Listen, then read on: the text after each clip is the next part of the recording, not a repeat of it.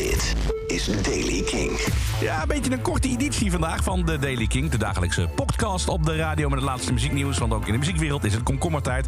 Maar toch zo meteen nog nieuws over John Lennon en King Gizzard en The Lizard Wizard. Is het weer? Vanochtend is er in het eh, noorden kans op het buitje. Wordt het in het midden van het land niet warmer dan een graad of 24. Maar na vandaag wordt het tropisch warm in Nederland. Vanaf morgen lopen de temperaturen alleen nog maar verder op. Waarschijnlijk hebben we dan de rest van de week te maken met een officiële hittegolf.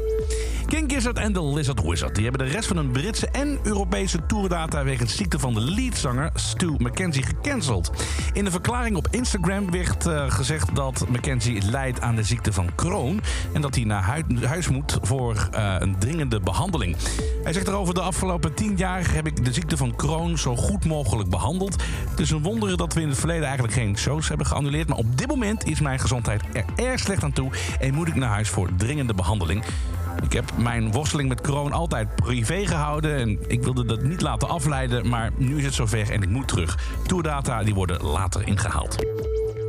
Een boze brief die John Lennon op 24 november 1971 naar voormalig bandgenoot Paul McCartney stuurde, gaat onder de hamer bij een veilinghuis. De verwachting is dat de brief tussen de 30.000 en 40.000 dollar gaat opleveren. Lennon die schreef de brief de dag nadat McCartney in het tijdschrift Melody Maker onder meer had gesproken over John Lennon en zijn vrouw Yoko. En ook sprak hij over het opbreken van het zakelijk partnerschap van de Beatles.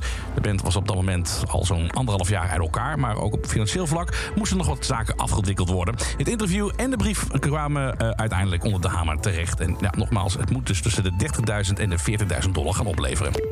Ik ga alvast sparen. En tot zover de Daily Kink van vandaag. Meer muzieknieuws, dat vind je natuurlijk op kink.nl. Daar kun je ook deze podcast downloaden. Of je luistert naar Kink in Touch met Jasper Leidens. Iedere maandag tot en met donderdag tussen 7 en 10 met het laatste muzieknieuws.